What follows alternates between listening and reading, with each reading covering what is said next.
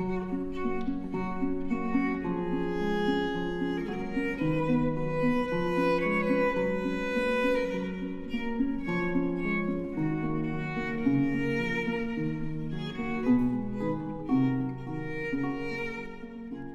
er vi klar med den anden radios nye serie, Norden i Europa, og vi giver ordet til Ove Weiss. Der fremme ligger de så, de tusinder af øer og skær, 40 km øst for svenske kysten, her midt mellem Sverige og Finland.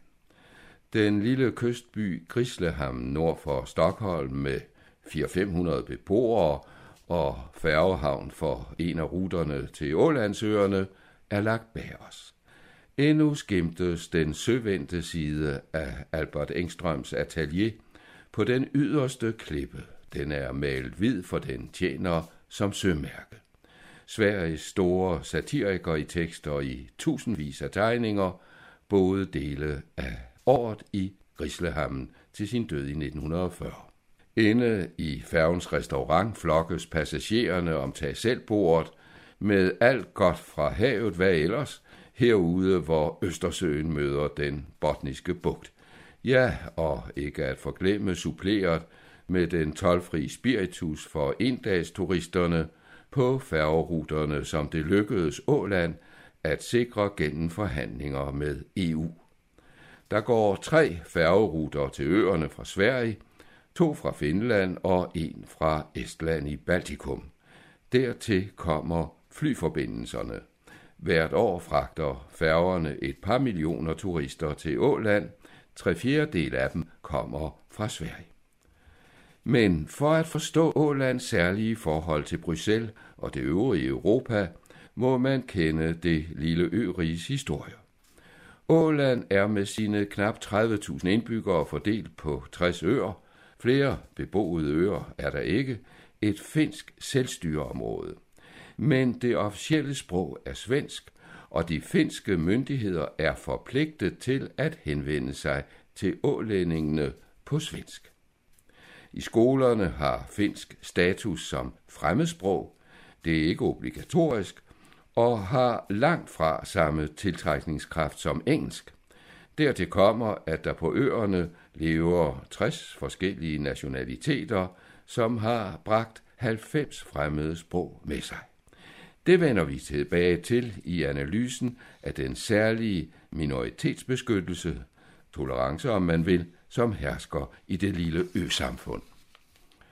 Arkeologiske fund har godt gjort, at befolkningen på Ålandsøerne omkring 500-tallet var skandinavisk, ikke finsk, og 600-700 år senere var øerne officielt en del af det svenske rige. På grund af den strategisk vigtige placering i Østersøen besatte Rusland flere gange området, og i 1809 måtte Sverige afstå øerne til Rusland, som lod dem indgå i Storfyrstendømmet Finland med den russiske zar Alexander den Første som overhoved.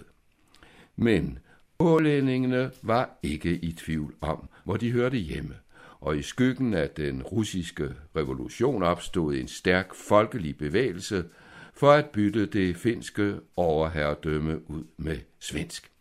Ved en underskriftindsamling sagde 96 procent af øboerne ja til at komme hjem til Sverige.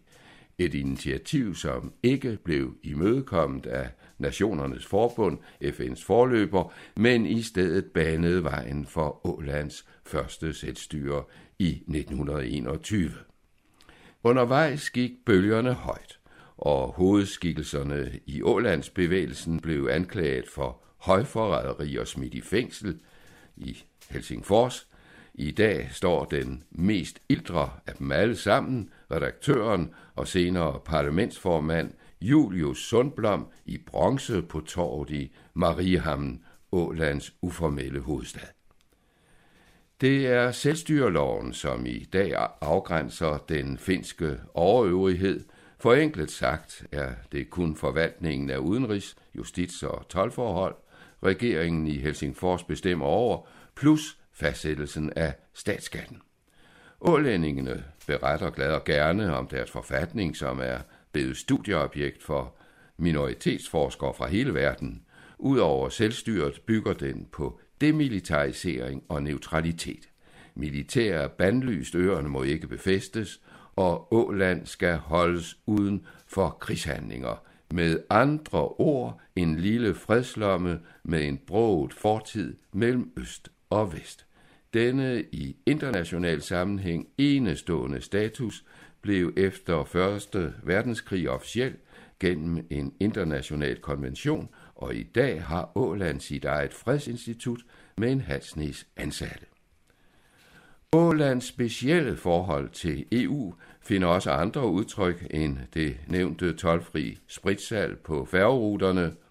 Øernes særstilling i den europæiske union blev fastlagt i den såkaldte Ålandsprotokol i Finlands tiltrædelsestraktat 1. januar 1995. Udover at Åland står uden for EU-skatteunionen, indeholder protokollen specifikke bestemmelser om for eksempel erhvervelse af fast ejendom og retten til næringsbrev. Derudover tages der, som det udtrykkes, hensyn til Ålands nationale rettigheder.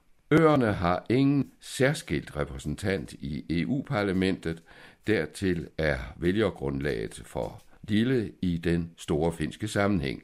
Men selvstyreregeringen har en fast observatør i EU-systemet, som løbende holder forbindelsen intakt mellem Bruxelles og den i forhold til ørigets størrelse imposante parlaments- og administrationsbygning i Mariahamnen, det fører jævnligt til indgåelse af særaftaler.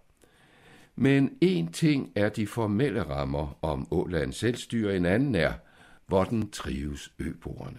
Også her er et paradoks. Mens udkantsområderne i de fleste lande er præget af resignation og forfald, vokser befolkningstallet her. Selvom mange unge flytter væk, kommer flere nye til, et overskud på mere end 3.000 siden årtusindskiftet.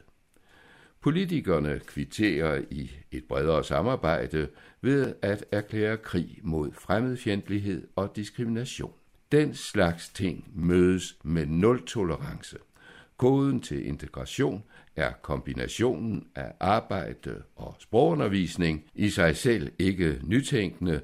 Det helt specielle ved Åland er, at hver ny beboer, uanset etnicitet, bliver betragtet som en gevinst. Filosofien er, at når der er brug for tilflyttere, må både lokalsamfundet og de nytilkommende gøre sig ekstra umage med integrationen. Arbejdsløsheden på øerne svinger mellem 3 og 4 procent. De økonomiske vilkår er vidt forskellige. Det kniber med ligeløn, når mange lever beskedent, men flertallet også blandt tilflytterne har en rimelig økonomi. Nogle af dem har beholdt deres gamle job og arbejder nu på distancen inden for deres fag, ikke mindst muliggjort af øernes gode IT-forhold. Finlands nationalikon Nokia, som er blandt verdens største producenter af telekommunikationsudstyr, har været afgørende, og denne finske påvirkning har de svensksindede ålændinge ikke noget imod.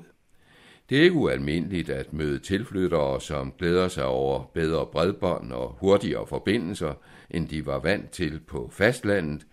Derfor er der også en del, ikke mindst fra den kreative klasse, som uden større betænkeligheder udskifter Café Latten nede om hjørnet med duften af hav og skov. Den svenske hovedstad ligger jo immer væk også mindre end fire timer væk ad søvejen og at Åland excellerer i lovprisninger af sit øliv, kan man overbevise sig om ved at følge servicetjenesten Arbejde og Bo på Åland.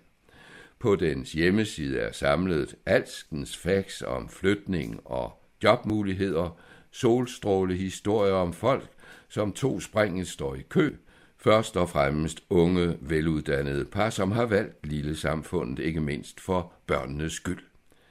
Samtidig supplerer statistikkens årbøger med en lommeudgave, som i tal tegner en profil af ørigets hverdagsliv.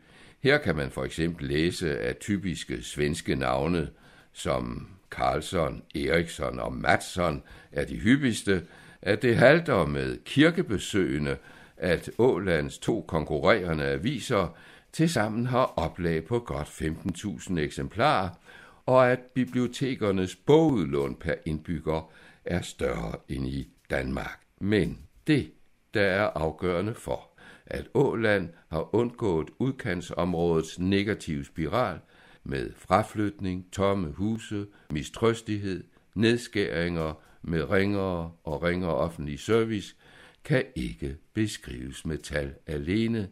Det skyldes den særlige ålandske filosofi på to ord, kan selv.